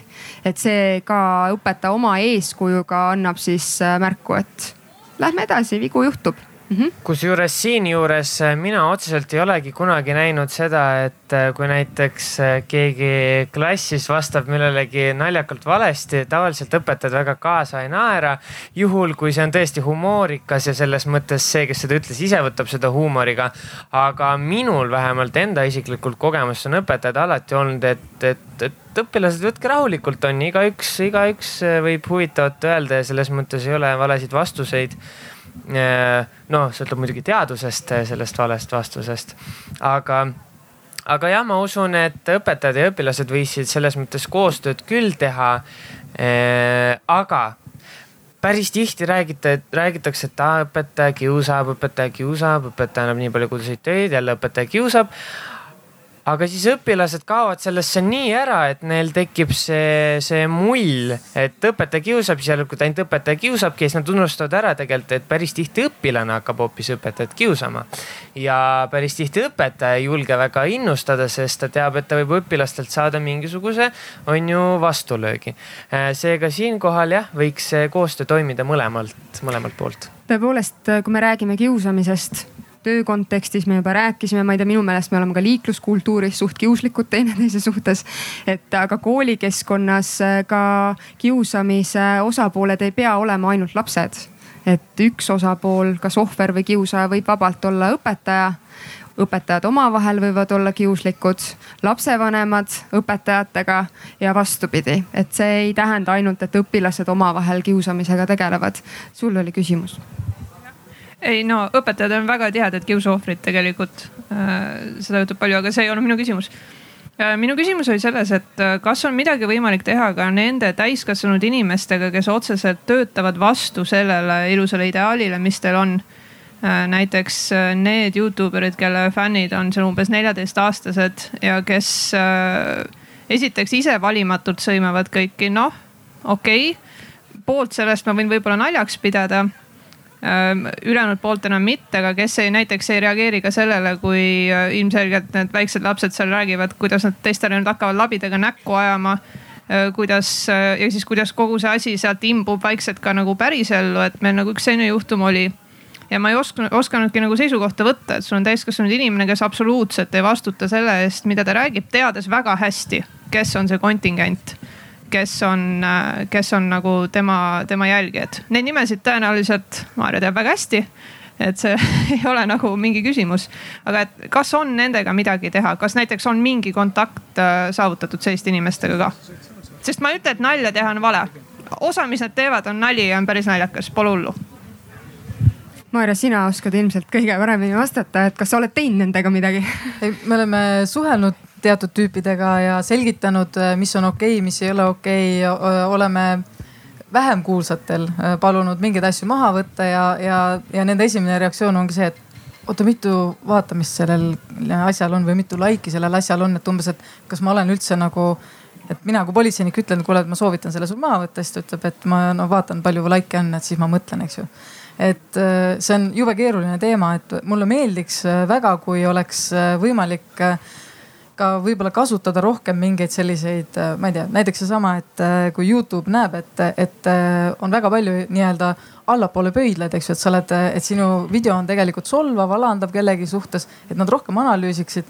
ja see nii-öelda bänni panemine ja see, see, see näiteks nii-öelda neid ehmatab natuke, et kui ta ei saa ikka enda päris nime alt oma neid asju edasi teha. aga nüüd väga keeruline ongi seesama asi, et jah, et mille alusel ma nagu ja kuidas ma kutsun su nagu politseijaoskonda, et, et sa oled noh, et oled teiste suhtes käitud inetult, et et selleks, see on, tundub nagu politsei hakkaks siis moraali lugema või mingit eetikat meelde tuletama. ja ainus, ainus seaduslik lahendus on ikkagi see, et inimene, kes tundis ennast solvatuna, saab, eks ju, minna kohtusse. ja, ja probleem on selles, et inimesed ei lähe kohtusse. et kui meil nüüd oleks tuleks paar sellist konkreetset näidet, kus tõesti inimene kasutab ära selle meie põhiseaduses ja ka meie nii-öelda, no see tuleb siis võlaõigusseadusest juba tegelikult see solvamise paragrahv, et. et kasutaks need äh, võimalused ära ja me saaks öelda näite, et näed, tema hakkas sellele vastu, ta ütles, et äh, see ei ole õige, ta ei pea seda õigeks ja, ja läks kohtusse, siis äh, ma arvan, et kohus ka kindlasti ei jäta seda asja nagu nii-öelda lahendamata et kurb on see, et ma, ma olen otsinud neid lahendusi, et noh, et, et äh, oleks kohtulahendid, et ma saaks visata ette, et näed, et äh, see ongi tulemus, aga, aga ei ole neid asju. õpetajate kiusamise kohta näiteks, no ma usun, et kõik teavad, mis asjad on meemid, eks ju. no ja tehakse õpetajatest tohutult erinevaid meeme, mis on natuke rohkem ja vähem pornograafilised ja, ja, ja sisult väga rõvedad. aga see ongi, see on solvamine ja see on jällegi see, et et jah, ma, ma ei tea, ma ühes koolis olen käinud vähemalt kolm korda rääkimas erinevate klassidega, pluss õpetajatega, pluss juhtkonnaga, pluss lapsevanematega. ja tegelikult äh, probleem ei ole nagu lahenenud, sellepärast et noh, lapsed peavad ikkagi seda naljaks ja senikaua kuni ei, ei minda kohtusse ja, ja ei, ei näidata seda, et see, et kui ma ütlen, et selle eest võib saada karistada, noh, et see tegelikult ei ole nagu tõeks, tõeks läinud. et see ongi kõige kurvem kui siin enne oli juttu sellest, et millised on kiusamise kaugeleulatuvad kahjud, siis ma arvan, et, et see on üks nendest kahjudest, mis siin praegu üsna selgelt välja joonistub, et me oleme harjunud olema keskkonnas, kus alandamine on normaalne.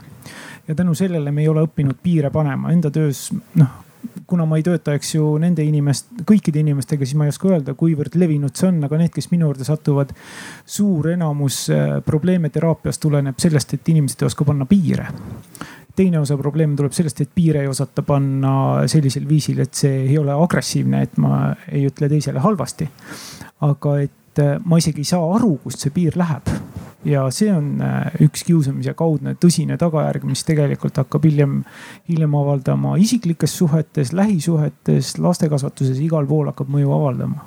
et äh, muutub normiks see keskkond, kus kedagi alandatakse. minu jaoks ka, et minu skaala nihkub ära ja et sellepärast on ka see, et tegelikult äh, jällegi, et ma käin päris palju lastevanemate koosolekutel, siis ma tuletan neile meelde, et jah, et teie lapsed jälgivad igasugused istod ja, ja kõik need muud, ma ei hakka huvi, ma ei taha nende, nende, nende vaatamisi tõsta, jätame ütlemata. aga, aga et, et ma ütlen selle välja, et lihtsalt see on see teema, et kui teie laps on selles keskkonnas, siis ta ei saagi ühel hetkel enam aru tegelikult, et kus on see normaalsuse piir, et kui ta hommikul alustab sellesama Youtube'iga, eh, sellesama kanaliga, mis seda rämpsu to toodab, siis tema peas see ongi normaalsus, et see on sama hea, kui, kui perekonnas kõik räägivad ainult karjuval viisil, siis see laps, ega ta ei oska koolis ka teistmoodi käituda, kui ta, ta hakkabki karjuma. et noh ma ei tea, lihtsalt äh, viskan õhku äh, sellise küsimuse, et kui õpetaja võtakski nüüd lastega näiteks vaadata ja analüüsida mingit sellist videot, kas sellel, kas see teeb pigem kahju või on sellest kasu, kuidas teil mõtted selle, selle viisiga tunduvad?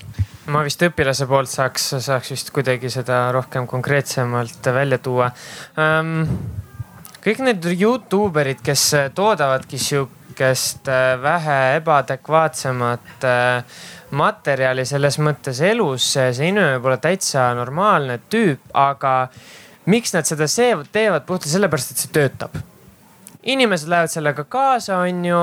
Äh, see, kes seda rämpsu toodab, saab raha selle eest Youtube'i vahendusel, on ju, see töötab ja kõik, kõik need inimesed äh, rohkem populaarsemad, kes siis teevad igasuguseid vihakõnesid, vihavideosid, mis äh, võivadki tunduda inimestele naljakad ähm, nende analüüsimine, analüüsimine arvatavasti ei toimiks puhtalt sellepärast, sest äh, noored teavad neid inimesi ja kui nad näiteks näevad, ahah, et selle tüübi video on nüüd, no nii, nüüd võib vaadata ja otseselt keegi õpetajat ei hakka kuulama, et kui halb see inimene on ja niikuinii, kui talle meeldib sihukest asja vaadata, siis ta vaatab seda edasi ja lihtsalt seda võetakse, ei võeta, ei võeta tõsiselt, kui see tuleb arutluse alla. Jah, ja tegelikult äh, mida teeb äh, kiusaja päriselus, samamoodi korjab likee, on ju ehk siis ta teeb, klassiruumis saab tegutseda ainult siis, kui teised temale kogu aeg niimoodi näitavad ja, mõttes või, või, või avalikult. ehk siis see Youtuber põhimõtteliselt käitub samamoodi nagu kiusaja klassiruumis. võib-olla mitte vahetult ohvriga kokku puutudes, aga sageli samal ajendil, et koguda laike vastuseks sellele küsimusele, et kas selliste videote analüüsimine võib aidata või mitte, siis äh, on ju teada ka Eesti praktikast küllaltki palju selliseid paradoksaalseid äh, narkoennetustöid, mis pigem suurendavad narkootikumide tarbimist. ehk et kui äh, asja teha ebakompetentselt, siis mõju on vastupidine. Ehk et siis ta saab laike juurde ja kui seda teha hästi, siis ta tõenäoliselt on väga mõistlik õppematerjal, aga et küsimus nüüd, et kust see piir jookseb väga hea, et me jõudsime ühiselt tegelikult selleni, et äh, ärge neid tunnis kasutage. et see ei ole hea näitematerjal, täpselt nii nagu narkomaane ei soovita narkoennetuseks äh, tundi kutsuda.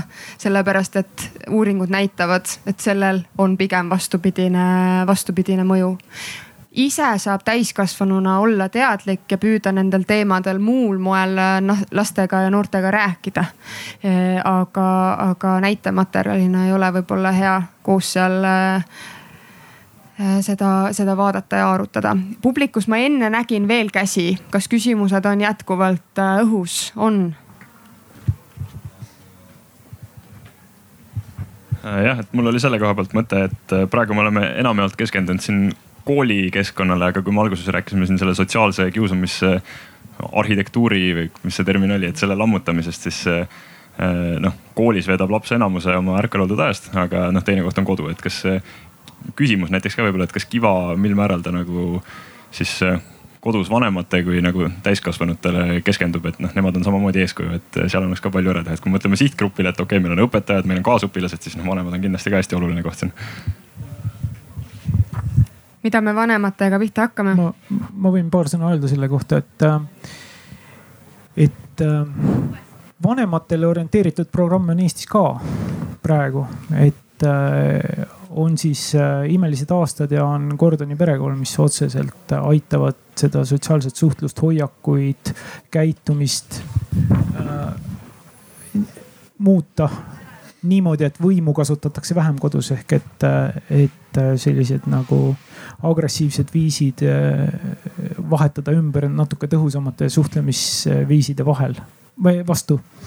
et, et need on täiesti olemas, need programmid ja, ja tegelikult on Kivas äh, nii-öelda kaudseid vanemate abistamise materjale ka miniõpik. Äh, koolidel on ülesanne oma lapsevanemaid nendel teemadel harida, kaasata vähemalt kord õppeaastas kogunemisi korraldada sellel teemal.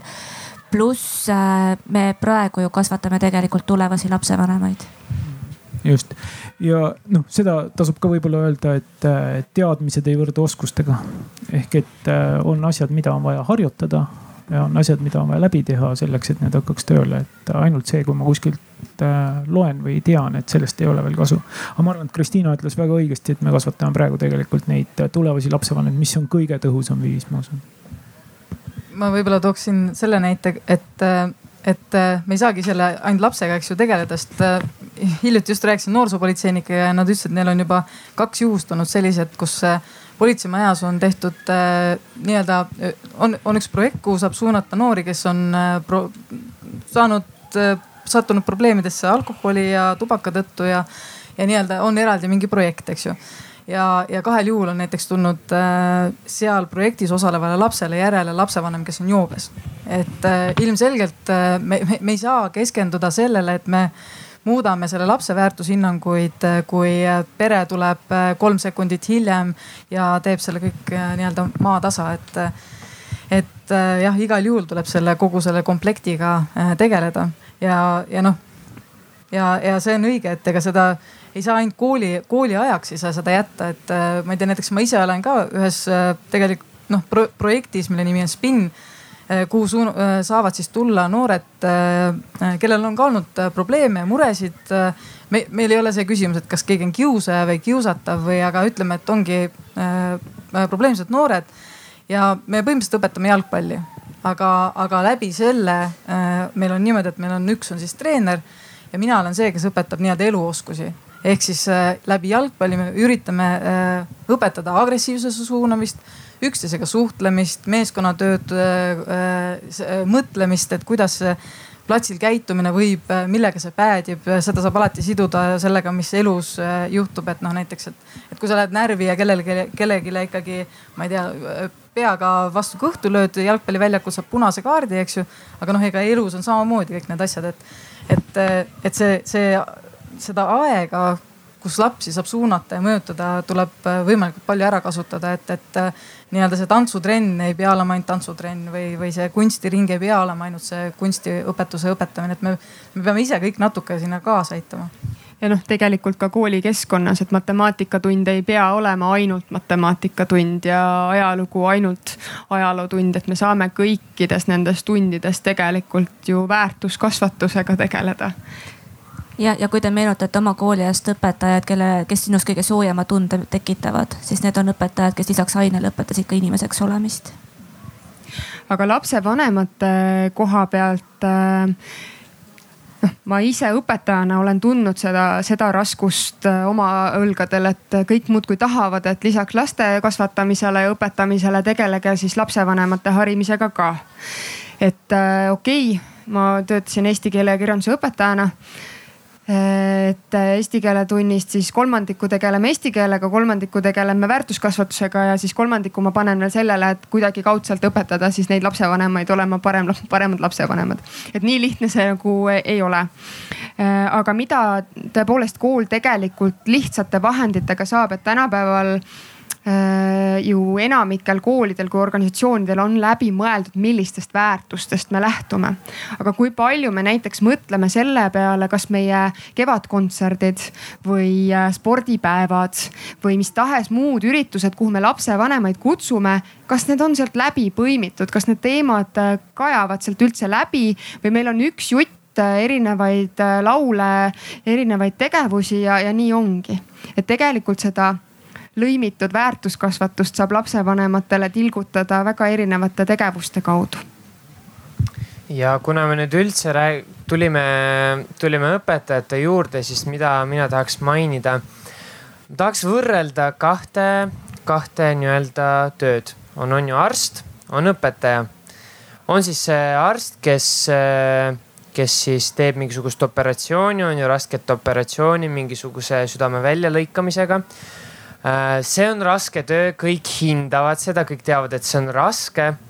kuid nüüd tuleme õpetaja juurde, tegelikult õpetaja on ju see, kes saab selle lapse südame kätte võtta ja seda väärtust temas kasvatada, aga miks on õpetaja arst nii erinevatel tasanditel just, just väärtustamise põhimõttel, sest tegelikult just õpetajaga ju laps veedab selle kogu aja, kus on see kõige kiirem arenemise protsess tegelikult, sest äh, see on noor tühi pea, kel, kel, milles ei ole veel eriti midagi olemas ja ta õpib, ta, ta on nagu švamm, ta imeb kõike sisse endale, onju seega mina just tahaksin lihtsalt tuua seda, et õpetajad on ju, kui tähtsad tegelikult õpetajad on ja kui palju ikka motivatsiooni on nendel inimestel, mina ei suuda kunagi kokku lugeda ja ära arvata.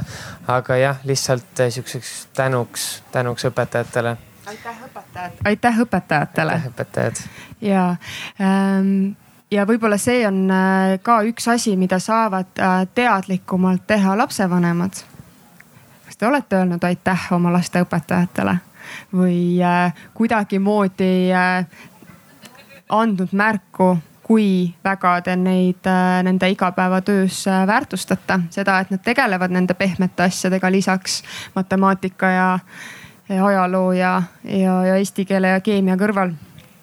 aga kas publikust on veel ühe küsimuse ma või teematõstatuse jõuame veel ära võtta? siis me peame hakkama vaikselt lõpupoole mõtlema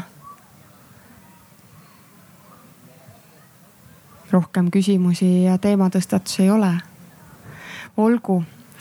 Ähm, see tegelikult äh, see küsimus, mille või teema, mille German nüüd siin äh, lõpus äh, ütles, kust leida motivatsiooni selle kiusuennetusega tegelemiseks?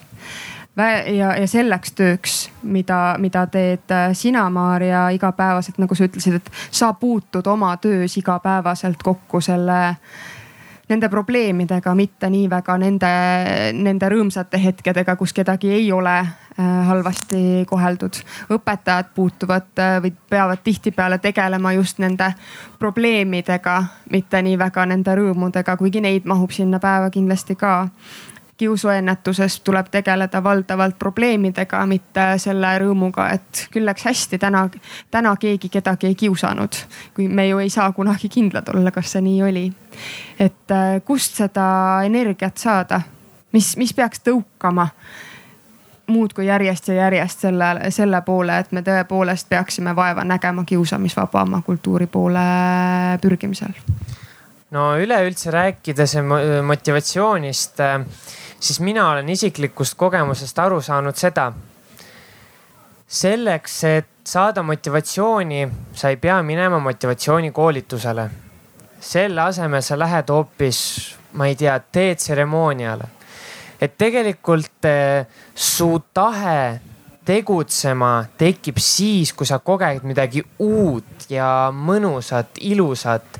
ja lõpuks ongi see, kui sul on see igas nii-öelda meis on see klaasike, eh, mis on täitunud energiaga vahepeal tõesti seda, seda vett selles klaasikeses ei ole.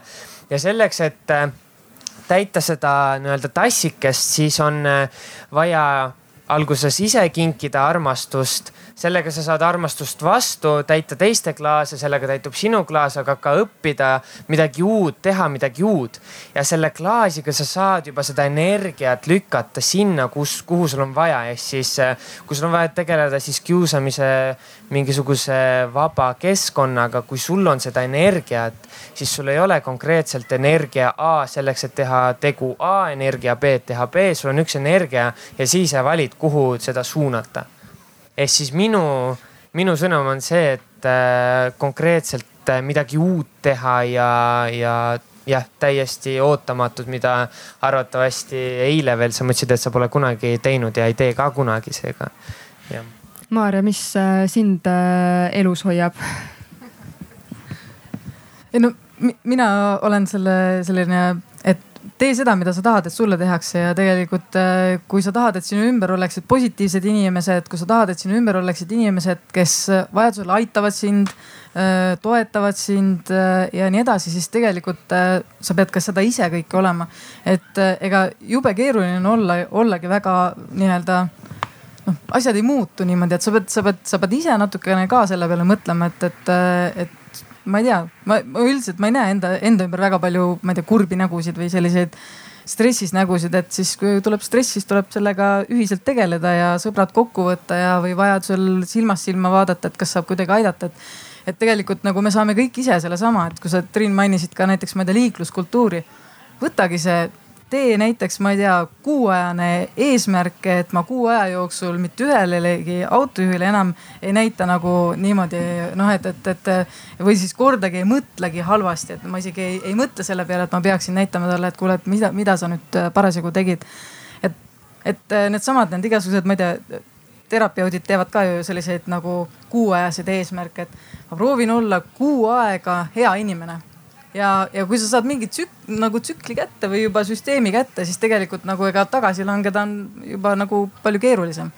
et sa saad aru, et sulle hakkab see meeldima, ma arvan, ma ei tea.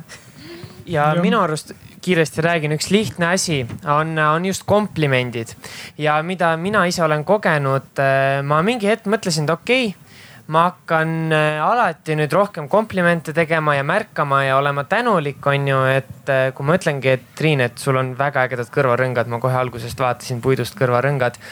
ja kui sa oledki selles keskkonnas ja sa teed komplimente, siiraid komplimente, mitte et sa oled äge, tšau nüüd. aga tõesti märkad, et ahaa, uus mingisugune äge bluus, ütledki, sul on nii ilus bluus. ja lõpuks päevast päevast sa teed seda inimesed harjuvad sellega ära, et sina oled see vend, kes teeb komplimente. ja lõpuks, mis oli, et kui ma hakkasin kiitma inimesi, mingi päev tuli mulle keegi vastu, ütles, et tšau, German, et sul on nii äge soeng täna ja siis mina sulasin täiesti ära ja see on nüüd jäänud minu elu motoks rohkem öelda häid, häid asju selleks, et tagasi saada. Tiit, sul oli mingi mõte, mis äh, vahepeal ootas äh, väljumist mm,? ma nüüd püüan meelde tuletada, mis see oli ah,. et äh, küsimus oli vist selles, et kust leida motivatsiooni, et ähm, eks seda motivatsiooni ikka leiab sellest, kui sa näed, et asjad liiguvad õiges suunas, et see on üks kõige suuremaid motivaatoreid ja ma usun, et Kiva puhul on küll üsna selge see, et, et see asi liigub ja liigub õiges suunas, et ma arvan, et see on üks väga selge motivatsiooni koht, miks selle asjaga tegeleda ja miks sellega edasi tegeleda. Viimase teemana ah,, Kristiina, vaba, vabandust. minu motivatsioon ikka ka, see, kes ma olen aastaid, aastaid pannud vabatahtlikku tööd suure muutuse sisse, eks ole. Ehk siis ma mõtlesin ka, et mis siis, mis siis paneb mind pingutama ja, ja tõesti ka vabatahtlikku tööd kõvasti tegema selle nimel, et, et koolid oleksid kiusamisvabad, ehk siis ma äh, selles suhtes ma toimetan laiemalt kui lihtsalt ainult oma perekonnas. ja, ja, ja üks märksõna on mure mure iseenda pärast, mure oma laste pärast, kes on kohe-kohe varsti koolilapsed ja, ja, ja mure ka kõigi nende laste pärast, kes on kiusamisega seotud, teades kõike seda, mis sellega kaasa tuleb. ja muuseas teadsite, et umbes pooled kiusajatest on ise samal ajal ohvrid, ka Eesti Kiva uuringute järgi ehk siis äh, mure nende pärast, kes kannatavad ühel või teisel põhjusel, on see, mis mind tõukab tagant. ja see, mis mulle jõudu annab, tõesti on seesama, mis Tiit välja tõi, et kui läheb hästi, kui edeneb, kui inimesed ümber on rõõmsad ja rahul ja, ja, ja austavad üksteist. Aga no öelge nüüd ausalt, kas te mõnikord frustreerunud ka ikkagi olete või? jah, et, et see ei ole ainult minu minu tunne. absoluutselt, mina käin laskmistrennis, ma, ma käin jalgpallis, ma võin väga tugevasti seda palli lüüa, et selles suhtes, et äh, aga see, see on, see on see, et sa saad äh, peaga suunad oma selle negatiivse energia minema ja ongi tehtud, no selles suhtes, et eh, ega, ega nende negatiivsete asjadega peabki tegelema, et minu töö on ju praktiliselt läbinisti negatiivne, et selles suhtes, et ega positiivseid hetki ka siis, kui ma saan kedagi aidata. ega see ei tähenda seda, et see nii-öelda kuritegu oleks olnud olemata, et tegelikult keegi sai haiget, mingi, mingi asi läks väga valesti.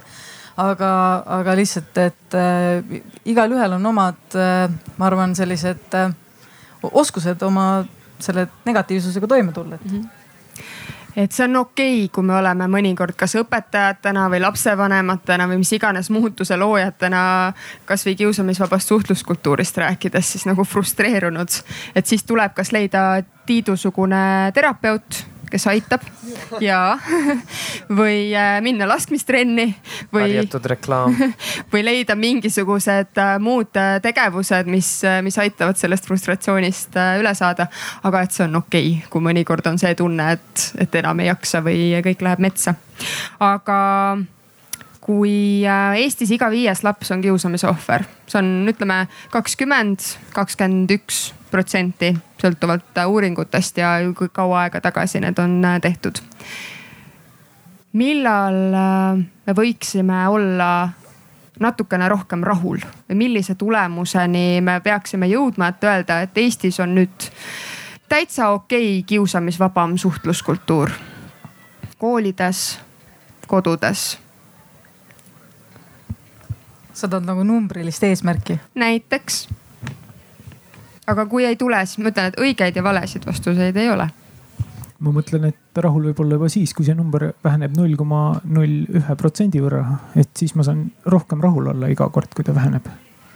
ja võib-olla mina paneks sellise eesmärgi, et, et kui me suudame juba vähendada selliseid väga suuri ja tõsiseid kiusamisjuhtumeid, et et eks, eks, eks need astmed ongi erinevad ja kui me saame selle, selle väga tõsisega juba, juba natukene tegeleda. et eks meil on siis aina rohkem ka aega ja võimalust ja ka oskusi tegeleda selle, selle nii-öelda võib-olla enamlevinumad äh, selle asjaga, et aga võib-olla jah, politsei poolest ma, minu mure on see, et see, need kõige tõsisemad asjad ära hoida eelkõige. German, Kristiina no mina oleks äh, päris palju rahul juba siis, kui iga kooliõpilane oleks täiesti veendunud, et kiusamine ei ole okei okay ja ma tean ja oskan ja tahan sekkuda, kui ma seda näen. kui rääkida protsentidest, siis äh, ideaal oleks null otse loomulikult, aga kui vaadata, mis reaalselt maailmas on võimalik, siis kõige madalamad kannatavate laste protsendid on kuskilt seal neli. et, et noh, ütleme, et kui meil tõesti kuskile sinna jõuaksime omadega, siis me oleme teinud, oleme teinud ära meeletult suure töö. ja me oleme kindlasti suutnud läbi selle oma ühiskonda kõvasti paremaks muuta ja iga inimene meie hulgas saaks tunda ennast palju turvalisemalt äh, nüüd lõpuks jõudiski see koht, kus äh, mu pea pani nüüd errorit selles mõttes, et ma ei oskagi otseselt midagi vastata sellele. aga juba on hea, kui see protsent hakkab nii-öelda alanema, aga mis on minu nii-öelda point ka see, et, et kas klaas on pooltühi või pooltäis. et meil on kaheksakümmend protsenti õpilasi, kes ei ole kiusatavad hetkel. Äh, seega arvatavasti tuleks keskenduda ka sellele, äh, mis on ka hästi, mitte ainult see, mis on ka halvasti ja kuidas seda parandada. aga arvu ma vist ka ei hakka otseselt ütlema lihtsalt see, et tõesti see number võiks, võiks väiksem olla, sest äh, keegi ei ole sündinud selleks, et teda kiusatakse.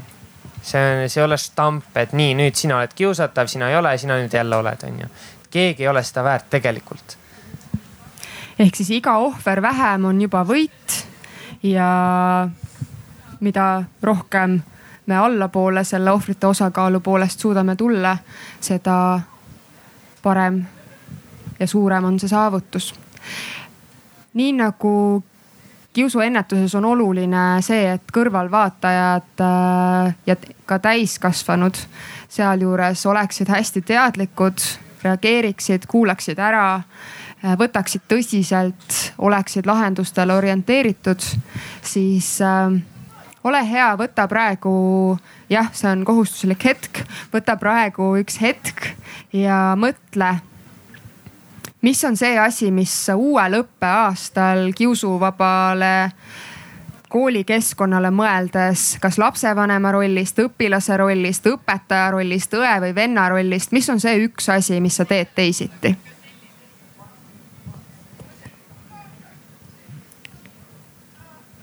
mis muutub järgmisest õppeaastast?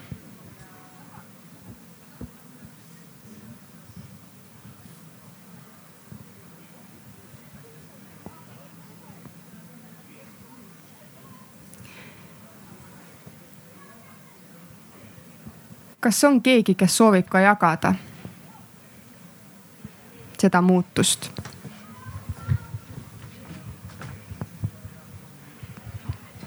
Ehm, seal koolis, kus mina käin, seal on, seal on ka sellist asja, et äh, õpetajad nagu kiusavad lapsi. ma ei räägi sellest, et nagu oleks palju õppimist või kodutööde raskused või sellised asjad vaid äh, reaalselt, kui õpilane ei oska vastata, siis õpetaja karjub ta peale. ja selle asemel, et seletada või siis äh, õiget vastust öelda, ta lihtsalt ütleb, kui, äh, kui halb on õpilane ja ta ei oska õppida. ja siis ta ei tegele sellega rohkem mitte midagi. õpilasele jääb nii halb tunne sisse.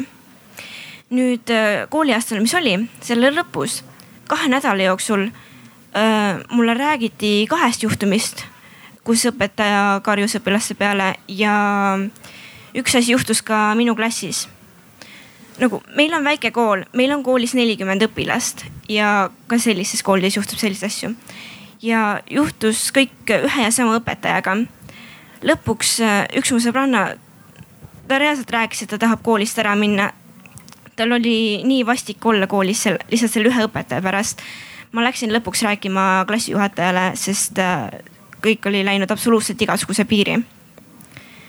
ja klassijuhataja lubas selle õpetajaga rääkida. ja, ja ta rääkiski ning äh, nendel õpilastel, kellel oli selle õpetajaga olnud kokkupuuteid, halbu kokkupuuteid, siis äh, nemad julgesid ka nüüd minna klassijuhatajale rääkima. et jah, ja nüüd tulevasel kooliaastal ma kavatsen veel rohkem sekkuda. see lihtsalt ei olnud normaalne. aitäh äh,. suur tänu, et te osalesite äh,. võtke need äh, otsused ja mõtted kaasa, mis te siin olete kõik nüüd ära otsustanud, et te uuel kooliaastal teete teisiti. ja meiega olid Tiit Kõnnussaar Maarja Punak, Kristiina Treial ja Germans Kuja, mina Triin Toomesaar, Kiusamisvaba Kooli tegevjuht. ütleme praegu tšau pakaa, et teha ruumi järgmisele arutelule, kus te saate ka tegelikult kiusamisvaba oma kultuuri poole edasi minna. ehk siis elavad raamatukogud äh, väga erinevatest inimestest, kes on valmis rääkima teile oma kogemustest, elust, mõtetest, tunnetest. tulge kuulama